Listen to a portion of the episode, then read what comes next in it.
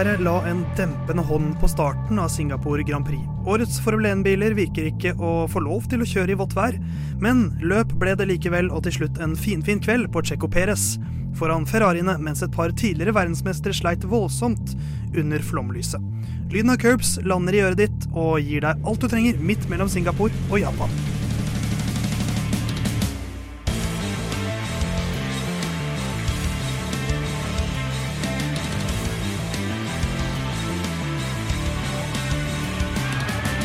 Ja, ja, mensan midt i en double header, dere. Det er ikke verst. Du hører på Lina Curbs, Radio Novas egen podkast og eget radioprogram om eh, Formel 1. Theis eh, Magelsen, hele navnet mitt der altså, sitter bak spak og klaff.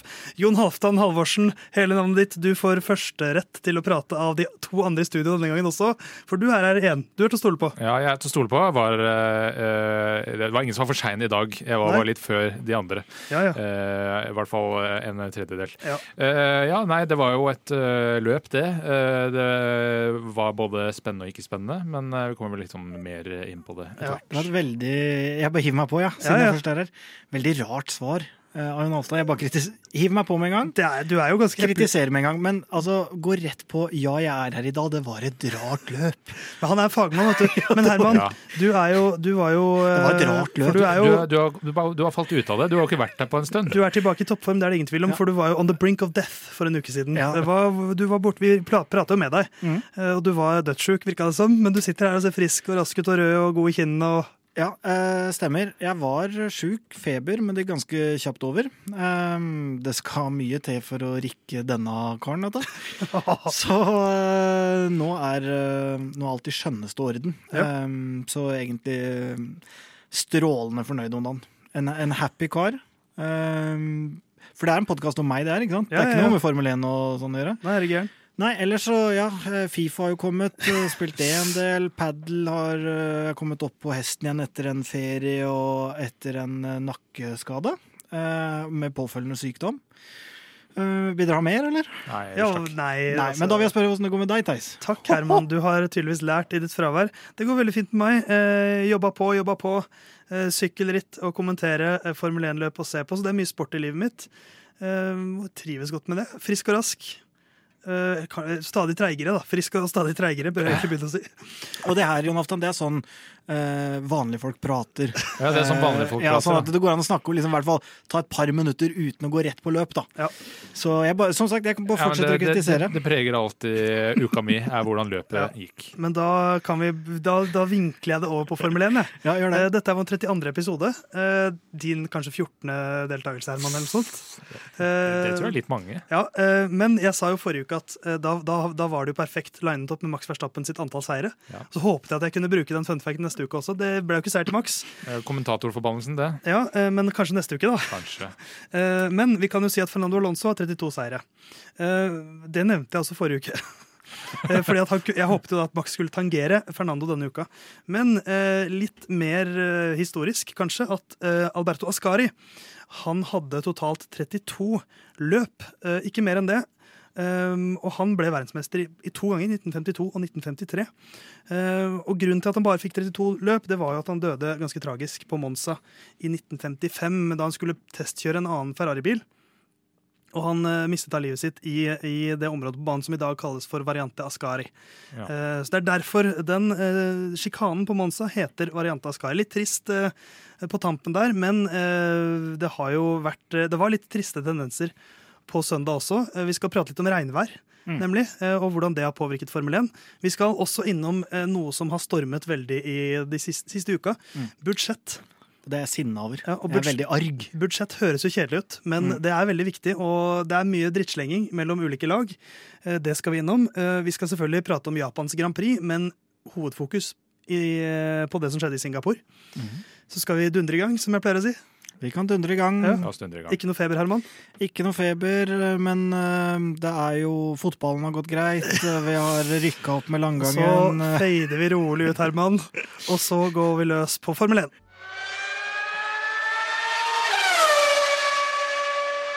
Singapores Grand Prix tilbake. Regnværet var jo dominant uh, denne helgen, men uh, vi har en tradisjon her, Linda Curbs. jeg, tar det, jeg bare gjentar det, Herman, for deg som kanskje ikke har vært der på en heter- liten stund. Hva het det her? Hva sa du? Hva heter det? Er det lyden av curbs? Uh, ja, Ja. nesten. Uh, men vi oppsummerer hvert eh, Formel 1-løp på 60 sekunder. Denne uken så har det vært litt uh, god dag mann økseskaft-stemning i Lyden av curbs sin interne chat, hvor vi ikke har blitt helt enige om hvem som skal oppsummere. Så her er det to stykker som kommer forberedt. Ja, altså, Det jeg har fått beskjed om, er Herman bør vel ha oppsummering av spørsmålstegn. Selv om Herman vel hadde forrige oppsummering òg. Og så får jeg beskjed om at eh, Herman Det føles som Herman mangler en oppsummering, så han skal vel ta en. Føler Herman er en i minus, skriver Halvdan. Og så skriver jeg nei, og så skriver jeg etterpå jeg tar den, jeg. Og så får jeg beskjed fra Jon Halvdan nå er den min. Så har jeg da gjort uh... Og du er jo nok en gang Herman, en mester på å sette deg selv i offerrollen. Men jeg tenkte at vi skal ikke ha noen offer her, dere skal få lov til å presentere begge to. Uh, Ja. Så da Herman, skal du få lov til å begynne.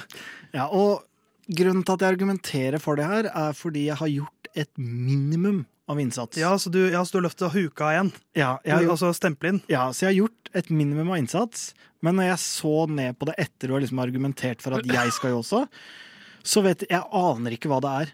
Du er jo en, du var veldig tidlig ute med quiet quitting, Herman. Ja, ja. Det som er veldig innenfor tiden, det er jo du egentlig en slags pioner i. Men da skal du få lov til å begynne. Ja, Du, har 60, du skal så nære 60 sekunder som mulig. ja, Du ser veldig klar ut. ja, ja, jeg prøver meg da, men eh, jeg, som sagt, jeg aner ikke hva det her er. Oppsummer Singapore Grand Prix, Herman. Klar, ferdig, gå. Ja, kanskje Singapore. Formel 1? Kanskje det. Singapore er et Formel 1-løp. Singapore er en bybane. Singapore blir kjørt på kvelden lokalt, men på dagen for oss i vår region. Singapore er en bybane med barrierer tett på og en høy risiko for krasj og uhell. Singapore er plassert i Asia med en geografi som gir høy luftfuktighet og mye slit. Og geografien gjør også at det kan bli et voldsomt uvær i Singapore, og dette fikk vi hilse på, og det gjorde også førerne nå i helga. Eller i helten, som jeg har skrevet i notatet mitt. Singapore er et salig kjør for førerne. Derfor var alle svette og slitne etter målgang. Målgangen blei anført av Perez, Leclerc, og så var det noen andre bak der. Ingen hadde sjanse på juksebull i Singapore, og Singapore hadde ikke sjans på Formel 1. Rar avslutning? Ja, kanskje det. Altså, Jeg føler jeg har sett et slags barne-TV-program. At en slags barne-TV-reportasje om hva er Formel 1. Men det, var, det var på en måte ganske søtt, og du klarte det på ett minutt og ett sekund. det, Så det var, det var egentlig veldig veldig bra. det er jo kruttsterkt! Men, men her var det jo Det var kruttsterkt, Herman. Herkan. Men, men det var null substans. Så Jon Halvdan, Ja, men det er jo noe skjult kritikk inni her òg, syns jeg, da. Men, ja, sånn som, eh, ja, skjult og skjult juksebull. juksebull Hvis jeg slår deg i trynet, Herman, så skal jeg si «Ha, Du så ikke Skjulkritikk. Skjul, skjul kritikk. skjult kritikk av det? Nei da, men, men Formel 1 ja, Avslutninga men den, den satt kanskje ikke nok spor, da. Men avslutninga mi skal jeg bare finne igjen her. Bare, jo, bare, Ja, da klok klokka fortsetter, hvis du, får, hvis du gjør det. Nei. Vet du hva, Herman? Jeg tror vi sier takk til deg. Ja, det er greit. Og så, Jon Halvdan, så eh, kan eh, du få slippe til. Ja, Og du, eh, du har jo faktisk eh, også oppsummert eh, Du skal oppsummere på ett minutt. Vi får se om det blir fullt ett minutt. Eh, Det blir mer barne-TV-stemning. Ja, Men Kanskje. det må vi ha mer av i Formel 1. Ja. Er du klar? Jeg er klar. Klar, ferdig, kjør. Løpet måtte vente rundt 60 minutter på regn, men så ga race director løpsstartets tegn. Perez på andre fikk en bedre start enn Leclerc, mens Albon på runde én fikk merke det dårlige vær. Shogun Yu hadde besøk av sine foreldre, men røk ut på runde seks, takket være Nicolas Latifi som, med sin atferdskodeks. Max Verstappen og Fernando Alonso lå lenge og kjempet, helt til Renault-motoren sørget for at stemningen ble dempet. Alexander Albon var neste som måtte gi seg, og fikk raskt følge av Esteban Ocon på sin hjemvei. Yuki Sunoda var siste som fikk en DNF, men George Russell sin dekkstrategi var et feiltreff. Etter at feltet ble sluppet av sikkerhetsbilen, var Max for heit, og i forbikjøringsforsøket på Norris så han ut som en unggeit. Etter å ha leda alle rundene vant Peres denne løpshelg, og med det er Leclerc sitt tittelhåp helt på felg. N. Ja, Jeg mangla en løpshelgen. Skriv feil. Det der var faktisk knallbra, syns jeg.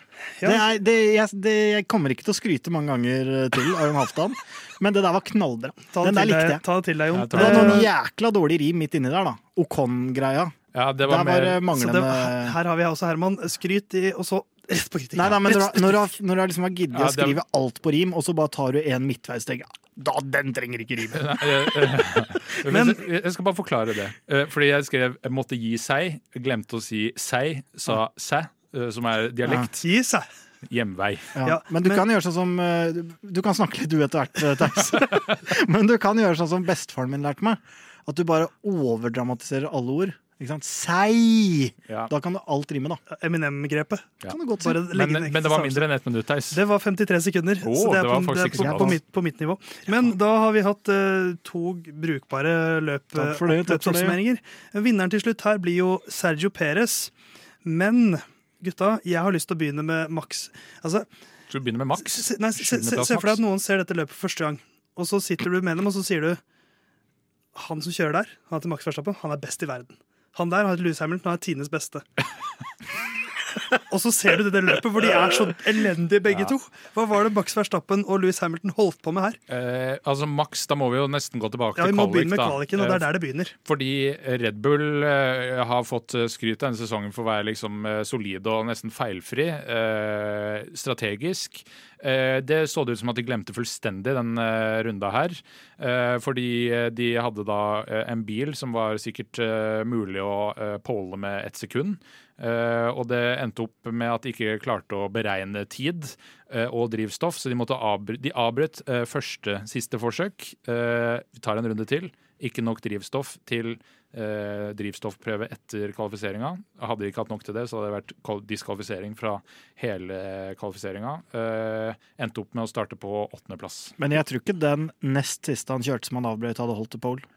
Eh, det er Ikke med de bedre forholda som kom. Nei, altså- nei, nei men, men eh, på slutten eh, Altså, de har jo satt seg i en situasjon hvor vi er Ja, ja. usikre på fuel. Ja. Uh, og så ender man opp med å måtte gi det som helt klart var pole position-runde. Ja, men, jeg, ja, ja, helt klart. men for det jeg føler, er jo at det ble et sånt narrativ om at hvis han hadde fått fullført den nest siste, så hadde det holdt. Det Nei, tror det jeg tror ikke kanskje jeg ikke hadde holdt. Men at han må gi seg på den siste, er selvfølgelig litt tynt. og så blir jo Max sur, og så er jo det med, Da er, da er helga i gang for han. ja, Da er helga i gang for han, og så starter han jo P8. Eh, Og så, Han kjører seg opp til P7 i løpet av løpet, da, men det var jo mye rot. Ja, altså Hvis man bare ser på starten og slutten, så så det ut som at eh, ok, han kom seg opp en runde, litt svakt, men han gikk jo først inn i anti-stall, uh, som betyr at bilen stopper helt opp, og endte opp eh, ganske langt fem, nede. fem plasser eller noe sånt. Uh, skal vi se, jeg har en interaktiv. Ja, han mista fire plasser. Ja. Kjørte seg opp ganske greit i sinne. Som Max gjør. ja, og så ligger han bak, lenge bak Alonso. eh, virker å bli ordentlig frustrert. Eh, Alonso sin bil bryter. Da bytter han ut Alonso med Norris. Eh, prøver seg på en undercut som så ut til å fungere, men da kom sikkerhetsbilen ut, og da lå Norris foran igjen. Da sikkerhetsbilen kom inn, så var, da, det, altså det er Max på sitt aller verste. Da skal han forbi Han har bare glemt at han leder med 100 og noe poeng, og det bare er viktig å fullføre og bla, bla, bla. Går all in eh, på en forbikjøring som Norris beiter han litt på å gå på innsida. Eh, hopper rundt, får firkanta dekk, må pitte igjen. Er da bakerst med hva var det, 15 sekunder eller noe. Men jeg har noen maksmomenter. Okay. Ok. fra helga her. Siden vi først er på han, så kan vi bare kvittere ut de. Gjør det. Eh, Er det, kommer det til å være noen stygge kallenavn Nei, nei da, det ene er eh, intervjuet han gjør etter den kvaliken. Eh, Det syns jeg er kjempebra. At han er liksom direkte, og sånne feil kan vi ikke gjøre, liksom, men det vet teamet. og det er, altså, Jeg syns ikke det, det fremsto ikke liksom barnslig og liksom sånn som jeg ofte har kritisert den for. da. Um, så det syns jeg egentlig var veldig bra. Og så syns jeg den manøveren han prøver det var på Norris, det er helt klasse. Den syns jeg er helt Ja. enorm, fordi han har jo lyst til å vinne løpet. Han, Ja, ja. han har jo vunnet VM, altså herregud. Eh, Med mindre det skjer noe med, med laget, så har jo han vunnet VM. Han vil jo vinne løpet.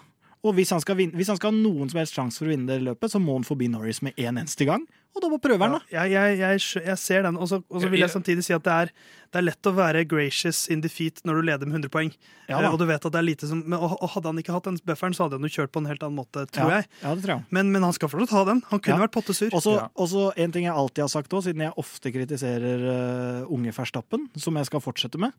Og han uh, gamle Verstappen er jo enda verre. men, men han unge Ferstappen, det er at han skaper jo løp. Eh, og det har jeg sagt siden dag én, siden jeg begynte å se Drive to Survive.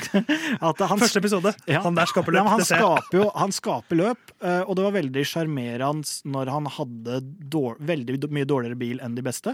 For da kunne han klare de mest utrolige ting. Og så var det veldig morsomt når han hadde eh, samme måte, tilsvarende bil som Hamilton, for det ble sinnssyke løp de to imellom. Og så syns jeg det har vært litt kjedelig i årene han har hatt den klart beste bilen eh, etter hvert, da, og, eh, og strategien. Fordi da er den såpass god at han kjører ifra. Litt sånn som Hamilton har gjort andre år. Men han skaper løp, og når du får han baki der, så ja, Vet du hva? Jeg har en ting til. Fader og at folk bare slipper han forbi. Ja, det har vi pratet om elsker før. Kevin. Kevin slapp han ikke forbi Magnussen. Ja. Ja. Få ødelagt løpet, da. Ja da, men fader å gi litt rann, Fader også. Men det, det, har- det har vi prata om før, og det handler om at de ikke har i praksis noen realistisk, realistisk mulighet til Ja, å slå tar maks. da- Men Jon, du har et innspill. Ja, bare fordi eh, jeg kan eh, mer hylle den der forsøket etter virtual safety car med å prøve å eh, treffe på tida, men han vet at der ute er det ikke grep. Her er det så mye humper at bilen kommer til å hoppe. Eh, det er på nye slicks som jeg ikke har kjørt tidligere i løpet. Å bli beita ut av Norris, det er eh, litt idiotisk, syns jeg. Eh, men han sier jo 'I bottle that', eh, altså ta på seg skyld. Det var, Han prøvde ikke å skylde på noen andre, Nei, eh, som visse andre uh, har gjort denne løpshelga. Kommer tilbake til det. Ja, vi kommer tilbake til det. Uh, og det eh, setter jeg pris på, da, eh, likevel. Men en eh, ganske ræva helg for Max, altså. Ganske, det, det var ikke ræva for Hamilton helgemessig. Eh, Han startet fra P3, men en dårlig start. Og så var han plutselig bak Science, sleit veldig bak Science, kom seg ikke forbi, men hadde jo en del radiobeskjeder hvor han sa at eh, ah, det går så treigt, jeg kommer ikke forbi, for det er jo en bybane og vanskelig å kjøre forbi. Mm. Og så gjør han også en feil, eh, som er ikke ofte man ser både Verstappen og Hamilton tabbe seg ut. eh, Og viser jo da at frontvingene til eh, Mercedes er laget av betong. Ja. Eh, Veldig heldig som Ikke rart den bilen er overvektig. Så, så han blir jo nummer ni her.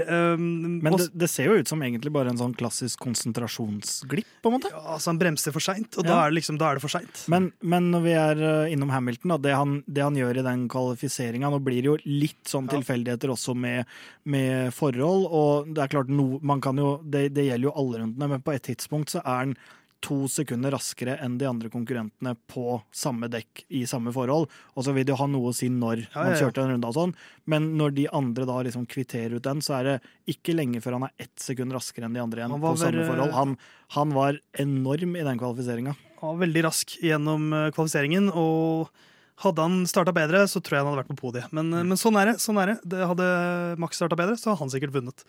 Uh, vi, vi tar en liten prat om Perez òg, eller? Ja. Uh, vi, sla, vi har jo slakta han en del, uh, men han, han leverer jo bunnsolid her, da. Ja, i forhold eh, som ikke er helt ulike forrige seier, vel, i Monaco. Monaco. Så Eh, nå har han jo vunnet Monaco, Aserbajdsjan og eh, den her. Så han er god på bybaner. Om jeg husker riktig, har han ikke tatt uh, Aserbajdsjan? eh, I fjor så Jo, i fjor, jo. Det er hans tre siste seire er bybaner. Ja, eh, Så tegner seg jo, om ikke som en bybanespesialist, så i hvert fall en fyr som trives bedre på bybaner enn permanente baner. Det er jo en litt rart karaktertrekk sånn i seg sjøl, men det han leverer her, syns jeg er bunnsolid. Tar Leclerc fra starten og leder resten av løpet fra Altså leder alle rundene etter det. Eh, står imot eh, to-tre sikkerhetsbiler. eh, et intens press fra Leclerc i starten etter at de hadde, skift, hadde skifta til eh, og får en Jeg syns det er litt rar straff. Ja. Jeg syns måten det ble håndtert på, er det, er det er et problem i Formel 1. Men, men hva er det han fikk eh, straff for? Ja, for der, for der har vi, vi har fått inn et uh, innspill fra en, eh, en lytter som uh, jeg tenkte vi bør nevne. Fredrik Torkelsen. Uh, som sender oss inn en, en, en liten sånn post på Instagram. Eh, med litt sånn om, om, om han kanskje Om var den straffen han fikk litt rar. Ja. burde han, for han har egentlig to infringements, Ja, eh, viser målingene. skal jeg bare lese? Det er, det er tre dokumenter der. Det ene er reglene. Eh, De er eh, på ganske mange sider, skal ikke lese det. Annet enn at eh, 5510, som de henviser til, er at eh, lederen ikke skal falle mer enn ti billengder bak sikkerhetsbilen eh, når det er safety car. Uh, og så er jo spørsmål eh, Ti billengder er jo et veldig vagt eh, begrep. Vanskelig å måle i eh, centimeter. Men eh, det Perez gjør, da, han får to eh, straffer. Det ene er en reprimande fordi han eh, på runde ti ble bedt om eh, å ligge nærmere sikkerhetsbilen, for han hadde falt bak mer enn ti billengder. Veldig variabelt begrep.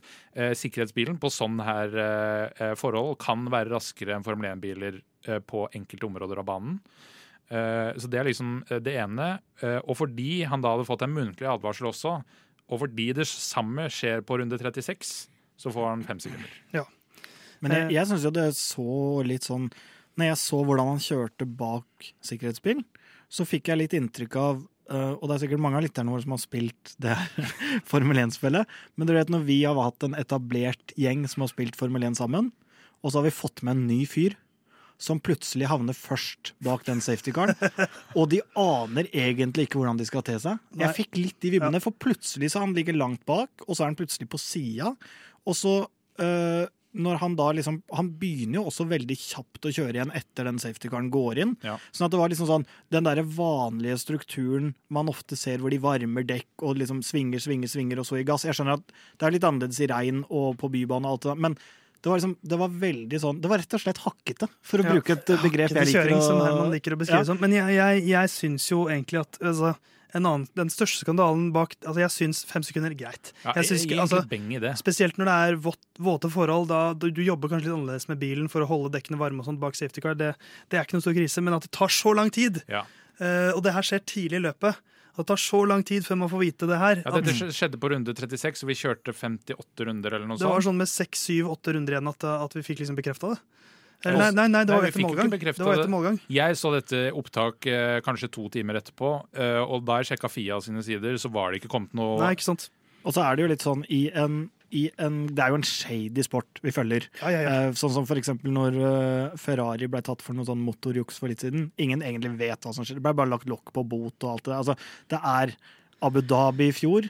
Altså, det er masse sånn ikke, Bare ikke ha åpning for at folk skal liksom gi, ha konspirasjonsteorier, da. Det er en Ikke sant? slags det er jo Ja, men- Nei, men vi, trylletekst, det her. ja, for hvis hvis uh, Peres hadde fått ti sekunders tidsstraff Ja, nå, han- han så kunne hadde det vært harnisk blant alle Red Bull-fans, med god grunn. Hvis han hadde fått den straffa liksom, midt i løpet, ok, det er sånn det er, så er det i hvert fall ok, den, den straffa er gitt. Men ikke sånn at du bare kan tilpasse. ok, vi er fem for det, ti for det. Det er bare ikke han- ha de dørene åpne. Det ene er Han kjørte jo tross alt fem sekunder opp, som er en eh, ikke det letteste å få til mot Leclerc i utgangspunktet. Men det andre er fem, noe mer enn fem sekunder her hadde jo vært eh, altså, Brutalt. sinnssykt strengt. Men, Ja da, men det er hvis han skulle fått for begge og sånne ting, da. Ja, for spørsmålet er, bare for å avslutte der, Theis. Eh, hadde han vært mindre enn fem sekunder, hadde han da fått fem sekunder? Det er jo der konspirasjonsteorien ligger. Ja. Og da hadde Mexico erklært krig mot Tyskland. Ja. Eh, men eh, da tenker jeg vi setter strek rundt Peres, og så skal vi prate litt om vær eh, og de andre bilene straks.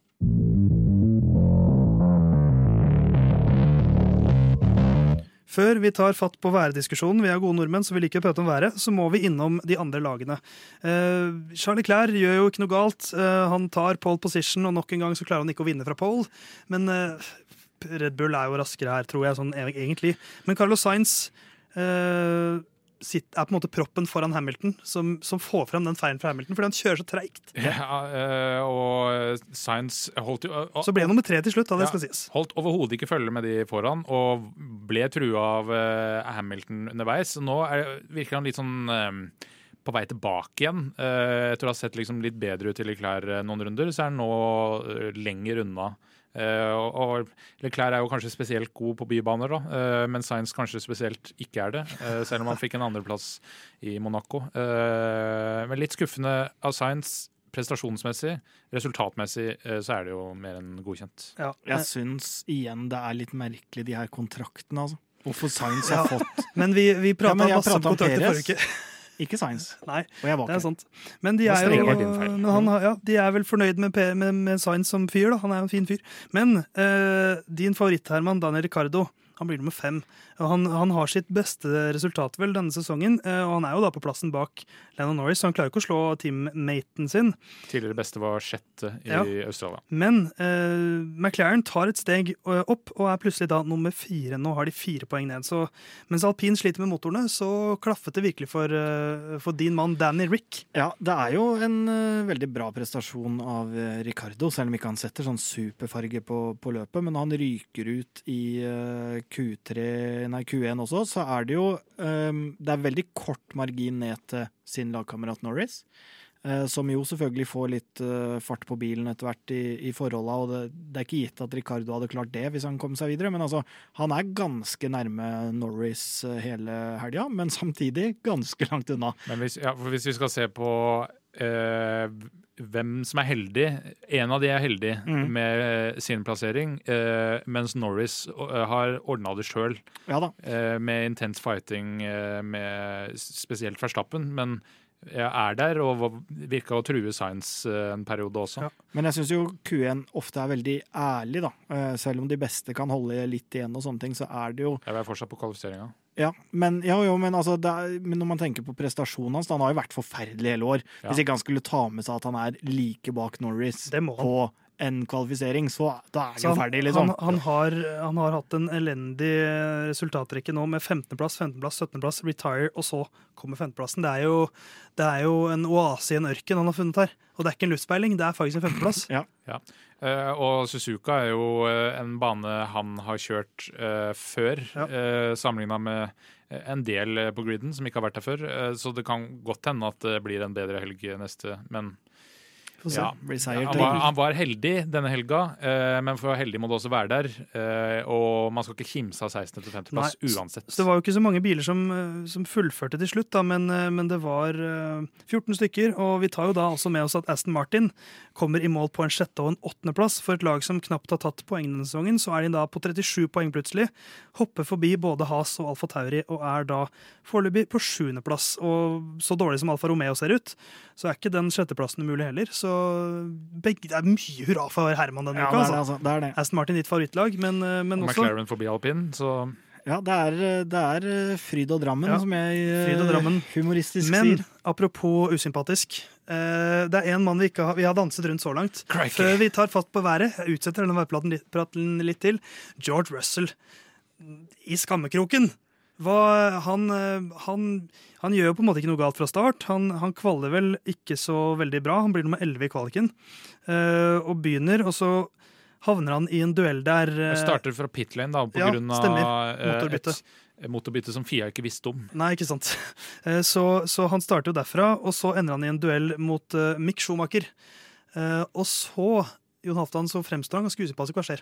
Ja, dette er jo et eh, stykke ut i løpet. da. Han var jo involvert i mye surr eh, tidligere. Et forbikjøringsforsøk på Walter Botta som holdt på å ta ut de begge en gang til.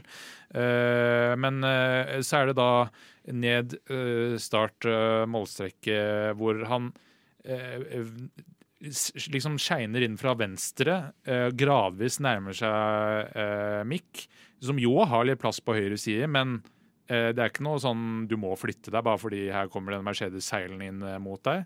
Eh, kjører inn i Magnussen, nei, Schumacher og punkterer.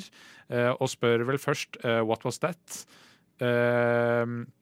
Og det var jo hans egen feil. Og så er det da Mick Schumacher litt seinere i løpet som forsvarer seg godt. Og Mick Schumacher så vidt det ser, ser, ser ut nå, så det, står det mellom han og Nico Hulkenberg for å kjøre for uh, Has neste sesong. Uh, så det, alle løp nå er hans livs løp. Uh, og da sier jo da Russell, som har kjørt i ræva biler før, at Mick is driving like it's the race of his life. Crikey. Ja, og da er det ikke som en sagt sånn beundrende måte nei, nei. sånn, å, han kjører som det er hans livsløp. Det er sånn, han kjører som om det er hans livsløp, liksom. Ja, minner litt om da Albon sa 'They're racing me so hard'. Ja. Uh, Bortsett fra at Albon faktisk visste at han hadde kniven på strupen. Ja. Mens Russell har en feit kontrakt og vet at han er gullgutten til Toto Wolff. Og så, så, selv altså, For du er jo ikke noen Mick-fan, Herman. Nei. Men jeg, jeg, tror, jeg tror jeg vet hvilken side du er på her, du også. Uh, ja, men jeg er jo litt kontrær, da. Ja, Skal du være kontrær her, Herman? Jeg skal det. Fy faen! Nå banner jeg. Fy faen! Det er uh, Jeg skal det, altså. Nei, men OK, da, vær så god, uh, Elden. Du er Elden nå, som alltid er på skurkens side. Nei, men det er jo Det, er, det vet vi ikke, Theis. Er du Elden nå? Nei. Er dere Elden? Bare pass på at vi ikke får Elden etter oss. Det er satt veldig på kanten. Det er satt veldig på kanten. Men på spissen. Det jeg, det jeg mener, da, er at jeg er jo litt uh, idiot når jeg driver med sport sjøl. Uh, eh, og det er lett å lire av seg mye verre ting enn det der. Altså, hvis hvor, hvor mye kritiserte vi Alonso når han sa til Hamilton at han kun kunne kjøre fra pole? Vi var innom det. Men altså, det er jo en mye Ja. mer hasardiøs uttalelse enn å si at det, å herregud, han der eh, kjemper for livet, liksom. Uh, Men jeg, Nei, føler- men det- jeg det føler det er mer raseri fra, fra altså, hvis, Når jeg kan høre raseri, så kan jeg forstå det. Mens jeg, og, og, og Russell har flere sånne hvor han Jeg syns han fremstår som en cocky i, altså, sånn upper, stiff upper lip-fyr fra en rik familie i Storbritannia, som jo er ca. det han er. Ja, men jeg, jeg, jeg syns ikke man kan Altså, i så fall det er, Han, han er litt sånn tjenerne klager så mye-fyr. Ja. Hvorfor kan, ikke, hvorfor kan ikke Mick bare spise kake? Det var sånne vibes jeg fikk. Ja, men nei, jeg er ikke helt enig. Jeg, i så, jeg tenker at det der var en menneskelig reaksjon. Vi kommer tett på en, eh, en idrettsutøver som er sliten, har hatt motgang hele forbaska helga. Det er Mick Schumacher du Eh, snakker om nå. Nei, da snakker jeg om Russell. Har hatt motgang hele helga. Eh, Sitter i en bra bil, har lyst til å gjøre det bra, får ingenting til, alt går i dass, og så møter han en helt sånn eh, middels fører i en elendig bil. Ja, men det var, jo ikke noe, det var jo ikke noe hasardiøs manøver av Mick. Nei da, men det er jo, Først- det er jo kjipt for han, liksom. Ja, det Det er er provoserende at han kjører inn ja, og da sier han jo det. Han, sier jo, han går jo på ingen måte over noen grense for meg Nei, med nei, hva han bare- sier. Men jeg, altså, hvis, jeg syns det blir feil å begynne å ta en fører fordi han var uhøflig. Ja, men, men, men, men ok, det, det handler, vi, vi, nå skrøt vi, nå skrøt du, du skrøt i stad av at Max Verstappen fremsto voksen. Ja. uh, han er ikke veldig mye eldre enn George, han. Eh, og, og det er det det handler litt om også for min del. Selv Nicolas Latifi, idioten av en Formel 1-fører, klarer å si 'oi, jeg så han ikke', som er en innrømmelse av feil, Ja. når han er involvert i en, en hendelse tidligere. Um, og det, så det er den derre Pluss at han bruker 1700-tallsord uh, som eh, Ja da, men der jeg syns Der hvor dere syns at liksom, Å, herregud, så teit å melde det der, så tenker jeg mer sånn Ja, der fikk vi faktisk et innblikk i ekte han, da.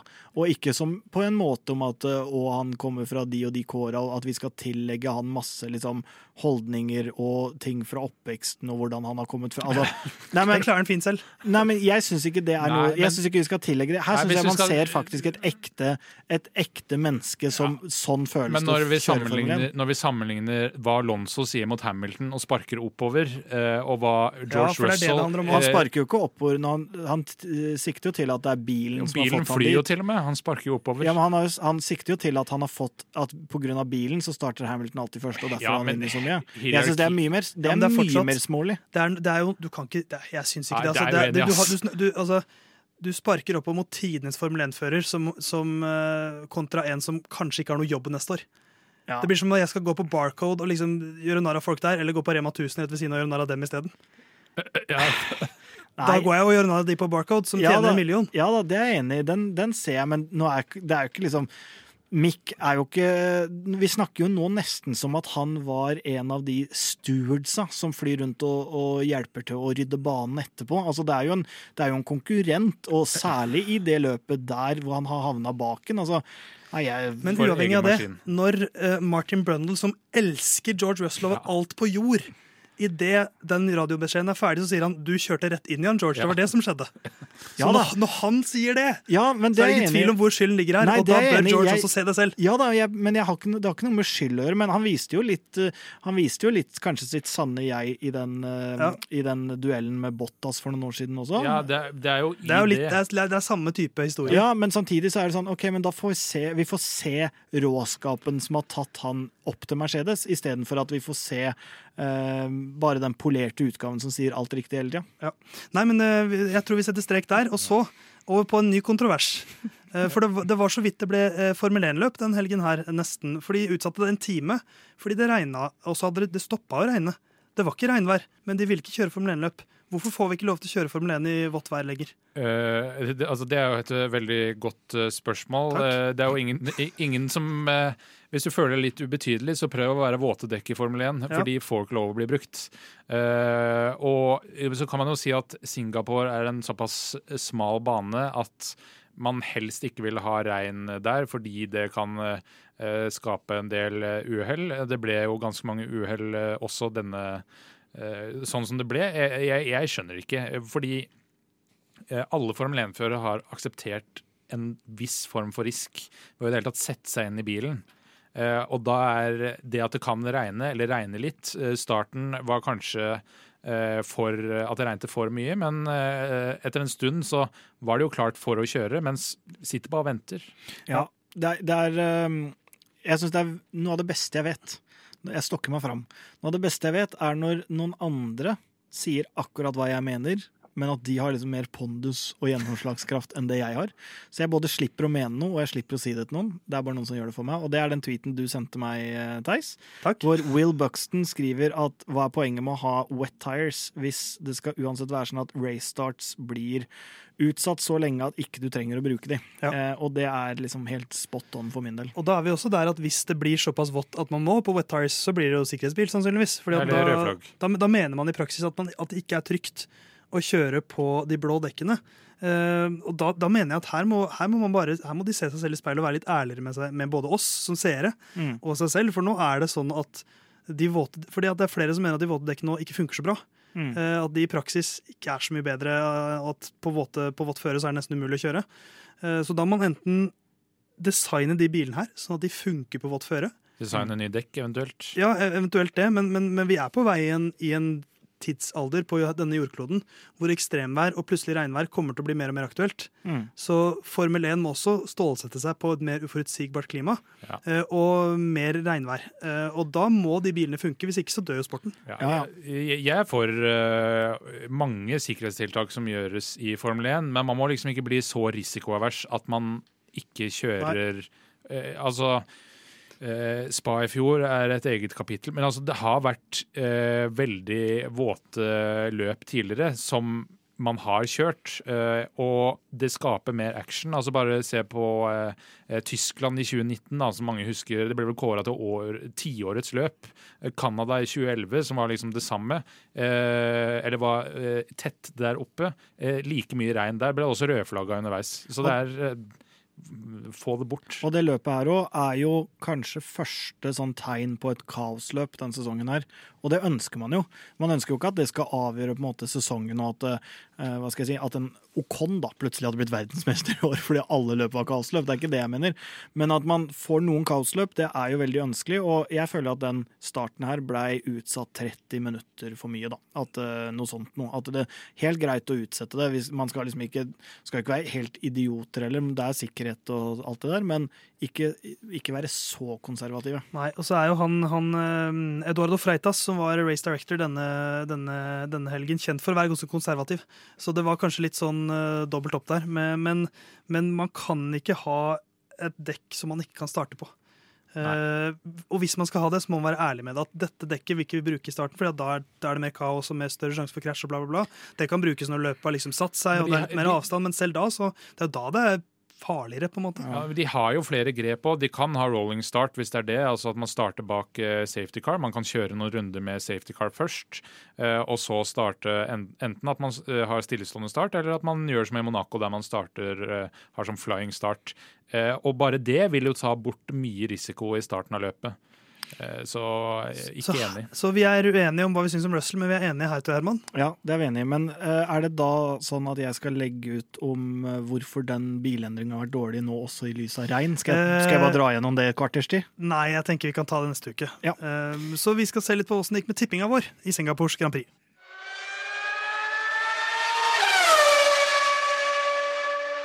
Det var åssen det gikk med, med Formel 1-bilene. Åssen har det gått med oss? Vi har en tippekonkurranse hvor vi tipper de tre beste førerne i hvert løp, og en, eh, en ting som vi kaller for Ukens sjuking. Hvor vi prøver å spå en sjuk hendelse som skal, som skal skje i løpet av helgen. Og, og Jon Halvdan Halvorsen, som sitter ved min side, kan ikke du dra oss gjennom eh, resultatene og ta først eh, Nei, ta, ta og dra gjennom resultatene. Du Så du vil legge veldig mye nei, føring du for hvordan du skal dra. helt fritt til å gjøre det akkurat Tusen takk, du vil. eh, tusen takk Theis Magelsen. Eh, vi alle fire, inkludert Ole, da, som var gjest eh, sist, han, eh, vi tippa Forstappen på førsteplass. Det ble jo veldig Ha, idiotisk. vi er dårlige, ass. Eh, andreplass, eh, vi rutinerte. Vi tippa Leclerc eh, på andreplass. Eh, fulltreffer, fem poeng. Eh, der tippa Ole Russell, eh, så det blir eh, null poeng der. Eh, alle oss tre hadde også Hamilton på tredjeplass, eh, null poeng der òg. Eh, og Ole hadde Peres på tredjeplass. Han fikk førsteplass, dermed ett poeng. Så vi, tipp, vi, tippa, vi, vi tre tippa jo da helt likt. Vi tippa helt likt, som også gir da helt lik poengscore på det området. Så har vi også da ukens eh, sjuking. Der tippa Ole Fettel topp fem. Eh, var ikke så langt unna da med åttendeplassen. Nei, men ikke noe poeng likevel. Herman tippa Peres fullføre utenfor poeng. alle alle minst halvt britiske får poeng med én på podium. Og der sa jo jeg sist at jeg ikke mener at Albon er halvt britisk, eh, og det er i racing-sammenheng. Ja. Eh, For han kan være så britisk han vil sånn ellers, men han har eh, thailandsk Han kjører for Thailand. Du mener jo også at Oliver Solberg er svensk. Ja, det gjør jeg. Jeg sa at værmessige årsaker gjør at kvalik kjøres på søndag. Det, var ikke, det var på en måte, Du var på sporet av noe, Ja. i og med at i hvert fall løpet ble utsatt. Ja. Og Theis Men så er det jeg da som er the, the, great, the great maybe denne, denne helgen. Fordi Ja. åh, jeg var så spent de siste rundene. Ja, vi, og jeg sa jo til deg, eh, for du tippa da nøyaktig 13 biler fullfører, og så sa jeg tenk hvor kjipt det er hvis det er 14 biler som fullfører. test. Eller tolv. Eh, ja, du sa også da eller 12, men det var 14 biler som fullførte. Én bil unna, uh, ingen poeng. Du kan tro pulsen min var høy da uh, George Russell skulle inn og pitte veldig sent i løpet, og de engelske kommentatorene sa 'maybe they're retiring the car'. Og da var jeg sånn Der sitter den! Men det blei bare nesten av stang ut. Jeg trodde også det, men eh, dessverre. Eh, og det gir da en eh, stilling på 45 til gjester, mer eller mindre. eh, 70 til Theis, eh, 74 til Herman, og jeg leder med 77 poeng. Eller Walter i Bottas, om du vil. Oh.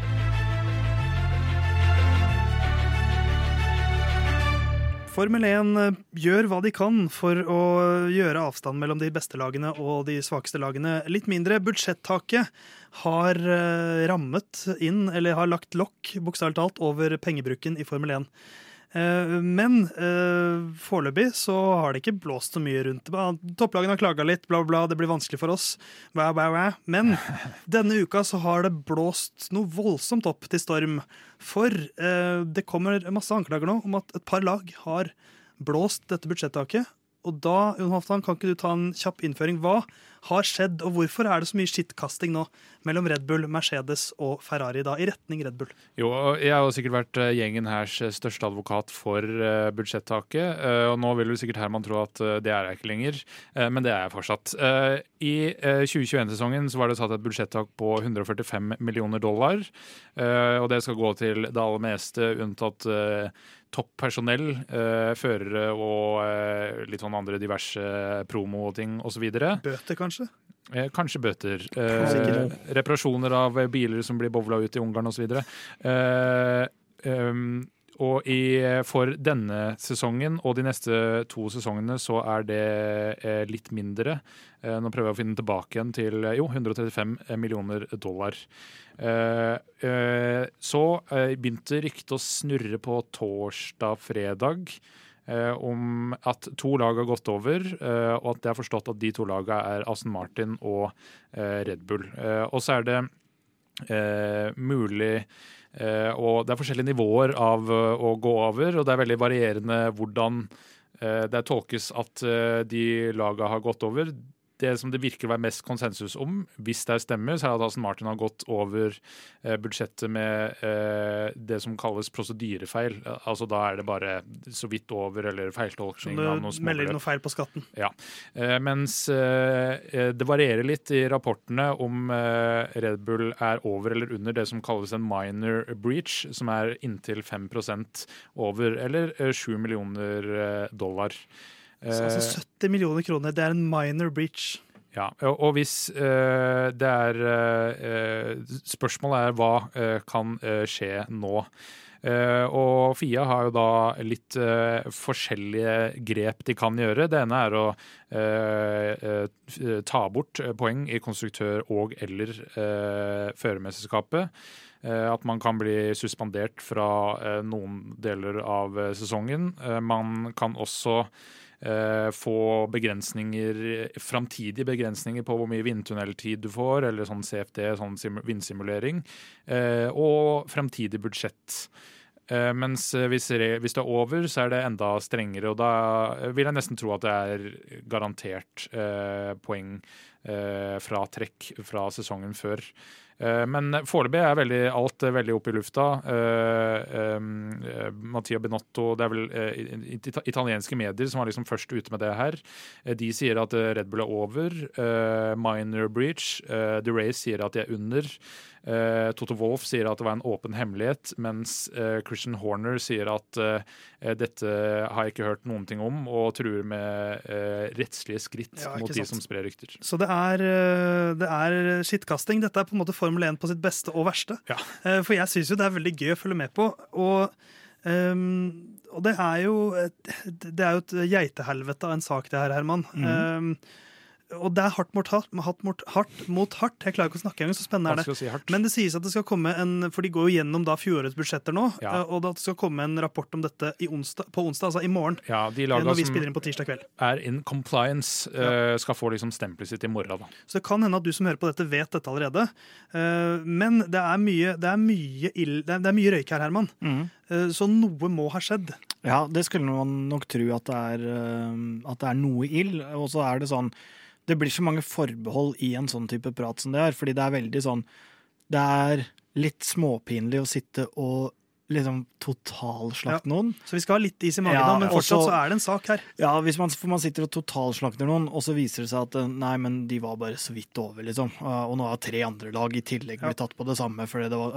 Så det er, det er veldig sånn pinlig, men det, sånn det ser ut ut fra de ryktene, da, hvis man skal legge noe i det, så ser det jo ut som at Red Bull har gått over. Eh, og da har de jo da gjort det som ikke konkurrenten har. Og når man vet de sesongene de har hatt, den utviklinga de har hatt De har jo vært i en positiv utvikling i mange år, men en, liksom, en liten eksplosjon fra i fjor over i år, så er det sånn Det er ikke ting jeg som er litt Red Bull-skepsis, uh, som man sier, da, fra, fra før av, setter noe særlig pris på, da. Nei.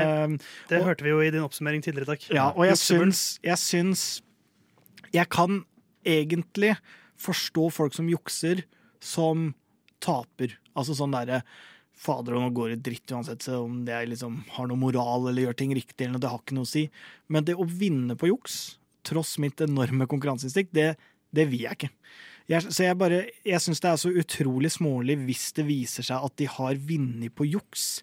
Altså at de har, sånn som i fjor, da, eh, når man vet hvordan den sesongen gikk hvis de har på en måte brukt mer penger for å få en bedre bil, sånn at de kunne slå Hamilton og Mercedes altså Det er sånn jeg blir, men men den, den dommen får vi felle siden, for jeg tenker det, det, er tre, det er tre ting som kan ha skjedd der. Enten så har ikke de brutt noen regler, Ja. og da, er det, da ser det veldig dumt ut for Ferrari og, og, og Mercedes. Eller så har de eh, tolka noen regler på hva, ting, på hva som skal regnes som utgifter, da. Eh, på en annen måte enn de andre lagene har. Eh, og så har andre lag fått ferten i det, så kanskje Fia ser på det og ser på det på en litt annen måte. Eh, mens at Red Bull, at, det blir en slags rettssak. At de mener dette har vi tolket på den måten, og det mener vi er riktig. Og da er det jo ikke et, da er det en slags tolking av regelverket. Og det i seg selv er jo en sak. For jeg tenker at skal du ha et budsjettsak, så må ikke det være sånn at advokatene skal fram og jobbe rundt budsjettaket og finne smutthull. Det må være klinkende klart for alle. Ja, Eller det, så har de gått over, og har de gått 5% over. Da snakker vi 7 millioner, Det er 70 millioner norske kroner. Du kan ansette du kan ansette skal vi si, Kan ansette 35, meg. du kan ansette 35 ingeniører da, Ja. med 2 millioner kroner i år- årslønn. Det er mange ingeniører, og det er mange som sier at en minor breach, selv en liten breach, det er, fem, det er en halv, et halvt sekund per runde.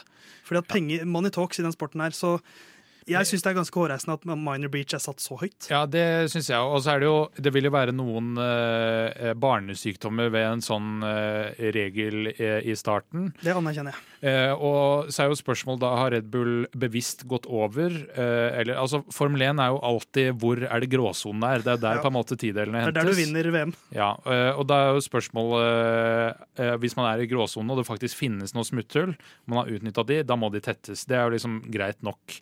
Eh, Men så er jo, hvis man da har Fordi det er første sesong, ja, vi går opp med 4,9 fordi det er første sesong og de kommer til å være litt ekstra greie med oss. Eh, Det er eh, veldig, veldig usportslig. Eh, og eh, det er jo ikke noe presedens for hva slags eh, straff som kommer til å bli gitt her. Eh, jeg tror ikke det er gitt at er det under minor breach, er det poengstraff. Eh, det tror jeg er ganske gitt hvis det er over. Eh, men jeg kan se for meg typ eh, reduksjon, altså reduksjon i vindtunneltid og eh, neste års budsjett eller over flere sesonger. Men det er vanskelig å si. Ja, for det, det, det, uansett hvordan dette blir, så må det En eller annen straff den, på plass. den gangen noen bryter de reglene her, Mm. om det blir denne gangen eller neste år, så må det være en, en straff som skader på banen. For hvis det blir en økonomisk straff, da er det bare en del av budsjettet. Ja. For da bare budsjetterer topplagene med det, og så vet de at ja, ok, så setter vi av det til bøtepenger, Mm. og så bruker vi så mye penger vi vil. Jeg har jo sagt mange ganger at jeg, hvis man ikke skal følge et strengt budsjettak Jeg har jo egentlig ment at man kanskje burde hatt lavere òg, men hvis man ikke skal følge et strengt budsjettak, så vil jeg ikke ha noe budsjettak i det hele tatt. For jeg, som jeg har sagt, da, det hadde vært morsomt å se Mercedes, som kom så skeivt ut av hoppkanten, hva de faktisk kunne fått til med evig penger. Og hvis du på en måte kan i hermetegn bare ta en sinnssyk bot og på en måte redde inn et mesterskap. Jeg kan si at de etter fem løp kunne klart å, å bruke alle penger i verden, ta en bot og så hatt den beste bilen. er- Sånn hypotetisk sett. Og det hadde kosta de mye, så kan det fortsatt hende de hadde gjort det, for det var verdt det for de. Det er i praksis bare en, en veldig streng toppskatt. Så Ja. da hadde de flytta til Sveits. Men, men samtidig, altså, som, det bør være sånn der uh, forholdsmessighet her. Uh, si Aston Martin, da, hvis de har gått over med 10 000 dollar, eller det, det høres ut som det er jo småpenger, men, men uansett, da. eh, hvis det er forskjellige nivåer, man kan ikke ha lik straff på alt. Nei. Eh, Du kan ikke bli diskvalifisert for å gå over med 4,9% heller, fordi da er det eh, fuck it, da. Eh, da stikker vi fra Formel 1. Fordi eh, vi gikk over, eller Når det ikke er satt noe presedens for hva man kan gjøre, så er det litt sånn begrensa når man har satt så lite faste regler på forhånd. Så, øh, men så, så vi, vi, øh, vi venter med spenning på hva som skjer her, hva oppdateringen blir. Og uansett om noen har brutt øh, denne gangen eller ei, så bør det slås ned på når folk bryter reglene. Mm. Så får vi se. Eh, Jeg skal i hvert fall trykke F5 på alle, alle, alle F1-sidene jeg følger i morgen. Men syns dere det skal ha tilbakevirkende kraft? Ja, det syns jeg. Sånn at hvis de juksa i fjor, så syns du de skal straffes. Du må huske det, Herman, at jeg kommer fra en idrett der eh, en mann fra Texas mista syv Tour de France-titler ca. 12-13 år etter at han vant de. Så, så jeg er veldig vant med at historiske resultater strytes og strykes og endres. Jeg, jeg er litt uenig i at det skal ha tilbakevirkende kraft. Uh, eh, og så kan man jo si ja, du Red Bull vant i fjor, du er Red Bull-fan, men det, er et problem hvis man nærmer seg slutten på neste sesong eh, før forrige sesong avgjøres. Det, det, er det, er liksom ekstremversjonen av at Peres får fem sekunders straff. men hva med om man, om man lar det gå en 10-12-13 år, da? Helt til en eller annen i Red Bull-laget skriver en, eh, en roman, en Ja. selvbiografi om hva som faktisk skjedde. Og så blir det rettssak. Ja, men, Er men, det den, greit? men den, er, den er vanskelig, den med tilbakevirkende kraft. For jeg Ja. kjenner jo også at jeg er ekstremt inhabil. For jeg, jeg syns jo alt ting skjedde på. Ja. Så jeg syns jo åpenbart at hvis de i tillegg på en måte til den drahjelpa de fikk i siste løp, også har juksa seg til i det hele tatt det utgangspunktet, så syns jeg det skal ha tilbakevirkende kraft. Og da syns jeg åpenbart ikke bare som team, men Nei, også for- som altså, fører. Fordi, men fordi, bare for å gjøre ferdig den, hvis, hvis Red Bull som team på en måte skal få en straff Si at de har gått over for, eh, bare for moro skyld med 10 Ok, de må straffes, de må straffes bakover. Bare for å holde det hypotetisk. Så er jo ikke det sånn at det kun har gagna laget. Det har jo virkelig også gagna førerne. Er Så, så hvis ikke det skal straffes Hvis det er et grovt overtramp, og de bare straffer laget med poeng, da, da er det bare surr. Ja, altså, hvis vi skal se på noe som helst presedens, da, så er det 2007-sesongen, Spygate. eh, Ferrari-dokumentet ble gitt til McLaren. McLaren fikk foretaksstraff på 100 millioner euro. Ble diskvalifisert fra eh, konstruktørmesterskapet. Førermesterskapet ble ikke rørt. Nei, så eh, vi som hatt det dersom at det. Vi får se hva Fia sier, eh, og så får vi ta en ny diskusjon eh, neste uke.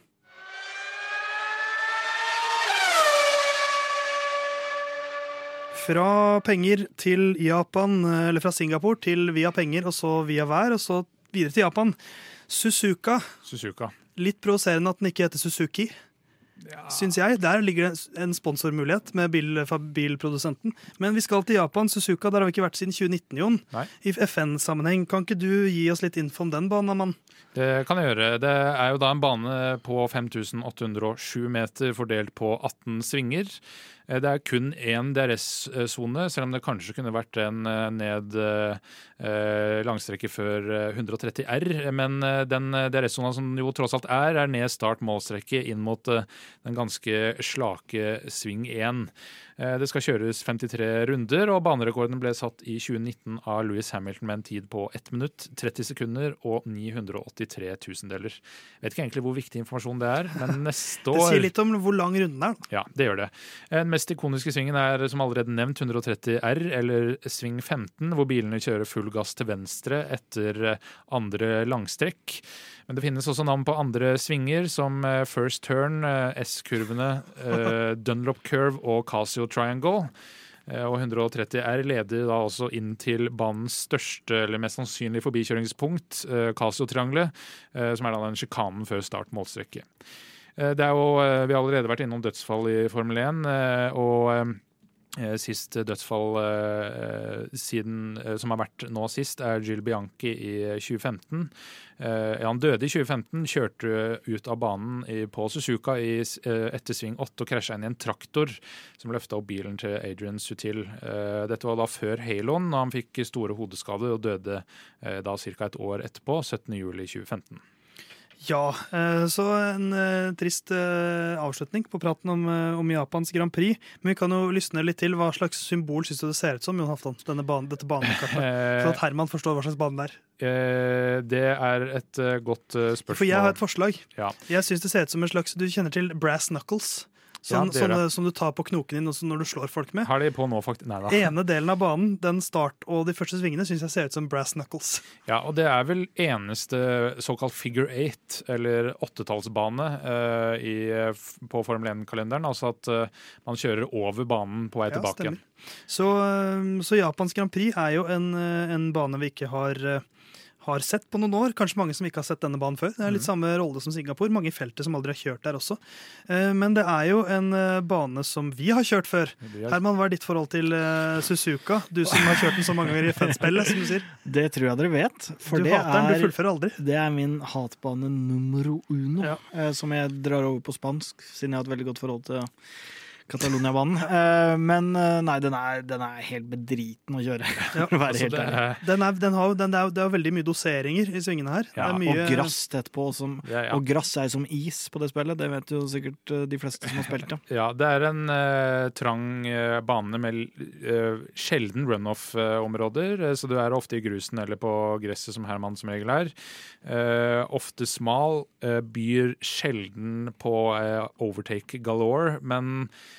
er en ganske kul bane, eh, spesielt i kvalifisering. De S-ene eh, som er eh, etter eh, sving 1 og 2, de er ganske kule å se på. Jeg tror de blir ordentlig kule med eh, årets biler, og også 130 R, hvor eh, det er bare å måke på i 300 km i timen og svinge til venstre eh, før man må bremse. Ja. Så tror det blir eh, et eh, i hvert fall spektakulær kvalifisering. Hva syns du, eh, Theis, om at det er andre gang i løpet av sendinga at eh, Jon Halvdan drar opp begrepet galore? Er det andre gang i setninga? En andre Eh, sendinga? Ja, da drar fram galore. Jeg syns det er et fint uh, ord, jeg. Jeg fikk Eh, ikke med meg at jeg dro det opp eh, en gang Nei, jeg tidligere. bare, den syns jeg er litt Men mer om Jon Halvdans Galore Galore i neste episode. ja, Ja. den er, den, Da tar jeg opp det som et eget punkt. Ja, gjør det. Ja. Onde tunger vil jo ha det til at Jeg tror ikke helt på det selv, men at Max Verstappen bevisst ikke, avgjøre, eller ikke ønsket å avgjøre VM i Singapore. Ja. Eh, Det er jo bare bullshit. Men jeg tror at de selv tenker at det er jo litt finere å vinne i Japan. Ja, ja. For det er litt mer passende for det laget òg. Uh, ja, Honda? Ja, det stille partner Honda. Uh, så For det ville vært stort for Honda å avgjøre det VM-et på hjemmebane. absolutt. Uh, vi skal gå litt eh, kort inn på fjoråret, eh, eller eh, 2019-året. Eh, to kontroverser der. altså Leclerc kjørte ut Verstappen. Eh, det falt av deler av bilen inn i hjelmen omtrent til Hamilton eh, seinere. Han ble bedt om å pitte og ikke pitte. eh, flere ganger, Men eh, der ble også eh, eh, nåtidens alpin, datidens Renault, diskvalifisert for eh, sånn eh, bane... Juksing med brake bias, eh, basert ja. på hvor du var i banen. Eh, så de fullførte da på eh, det som var sjetteplass og eh, sjuendeplass, eh, ble diskvalifisert. Ikke sant? Men det har jo vært, det har vært en Mercedes-høyborg, dette. Høyborg! valgt- Høyborg. valgt du, du, Herman Borg, du må roe reka. Ja. Eh, Borg galore kan vi godt roe litt litt ned nå. Det var Bottas da som vant i 2019, og så har Hamilton vunnet der fire ganger. eh, I 14, 15, 17 og 18. 2016 da vant Nico Rosberg. Åh, nå tenkte jeg Hulkenberg et lite sekund, selv om han aldri har vunnet. Det er jo Michael Schumacher som har flest seire der, eh, bare for å nevne det også. Men Mercedes, Herman, vi har jo, vi har jo venta og venta, vi. Nå kommer de. Nå, nå, nå kommer de. De kommer til Asiasesongen. Ja, det gjør det, altså. Eh, Men de har jo De har jo fortsatt en mulighet da, Til å komme. til å ta en seier. Ja, Det er jo det de mangler i år. ja det er. Avslutte sesongen med én seier hadde betydd litt, tror jeg. Ja, men øh, jeg har litt trua på at den kan komme, men vi får jo vi får se, da. Jeg er jo, det er selvfølgelig en avsporing, for det er derfor jeg på en måte sitter her, men jeg er veldig spent på hva som skjer neste år.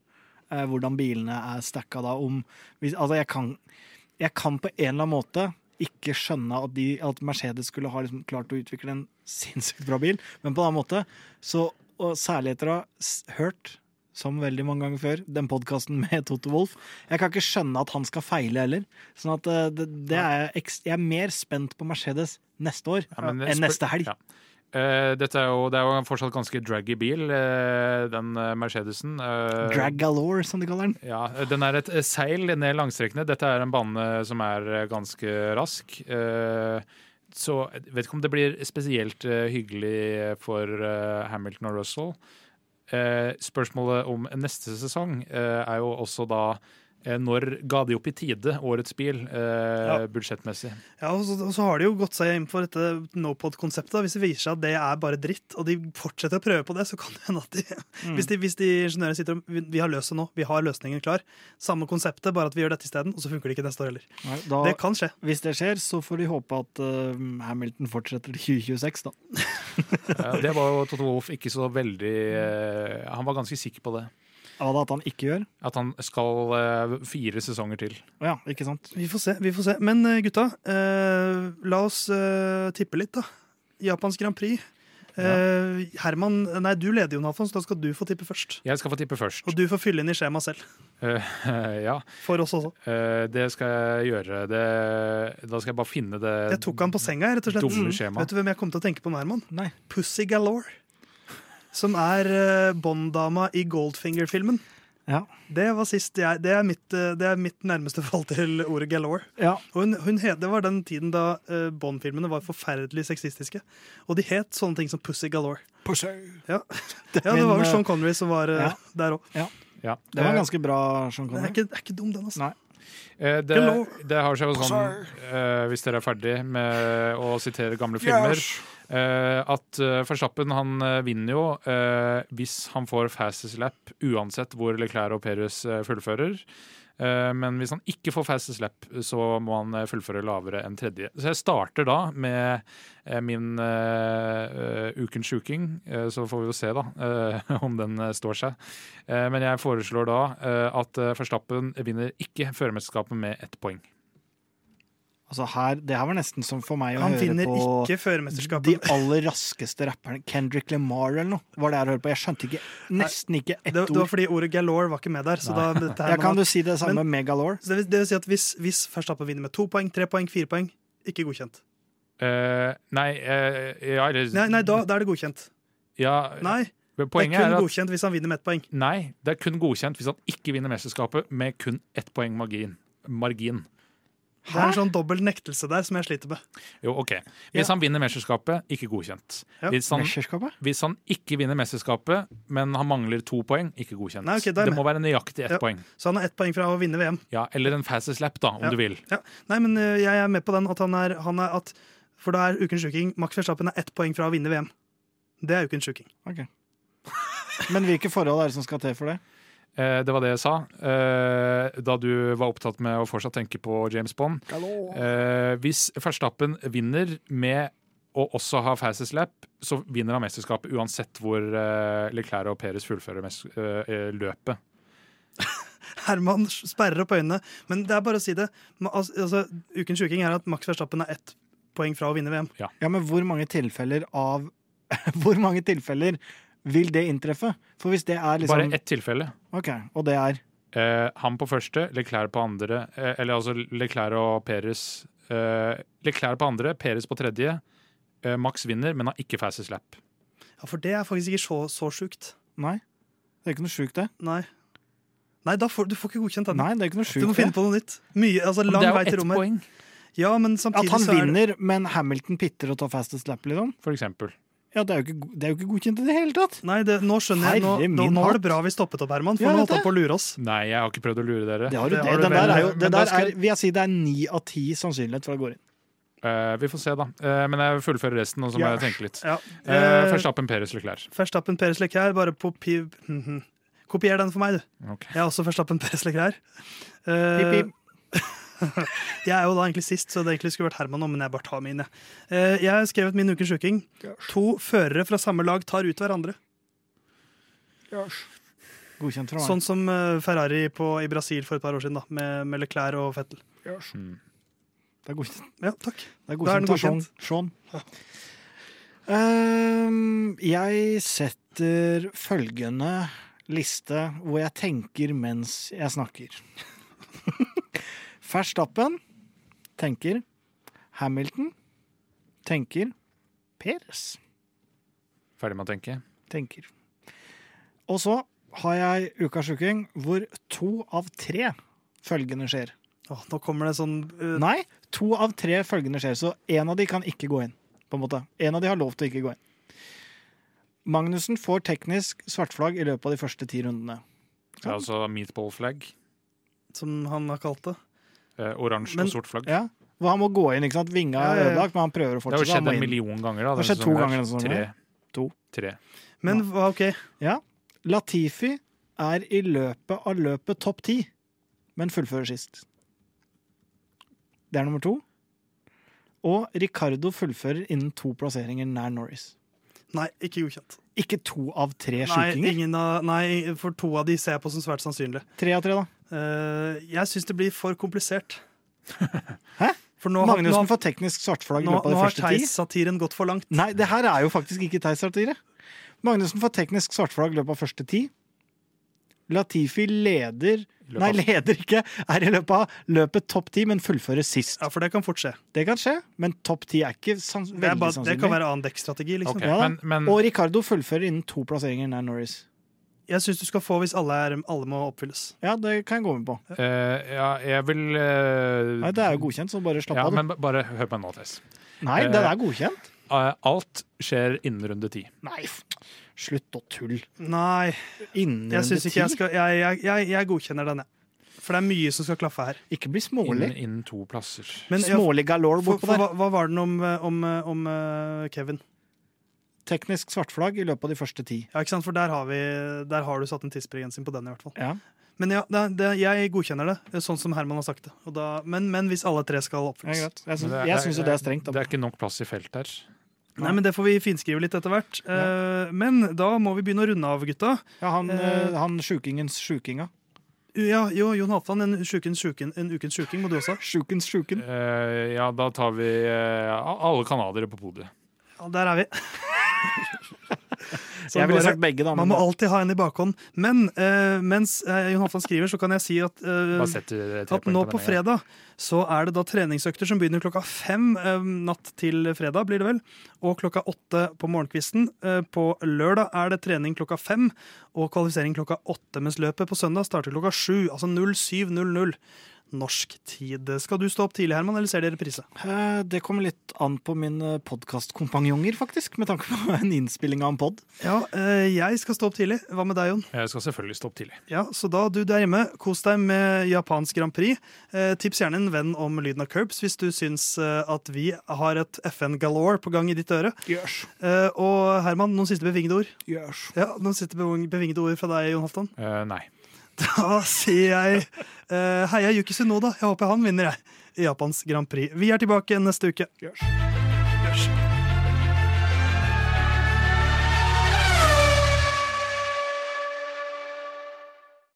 Good luck this weekend, Stroll. Thanks.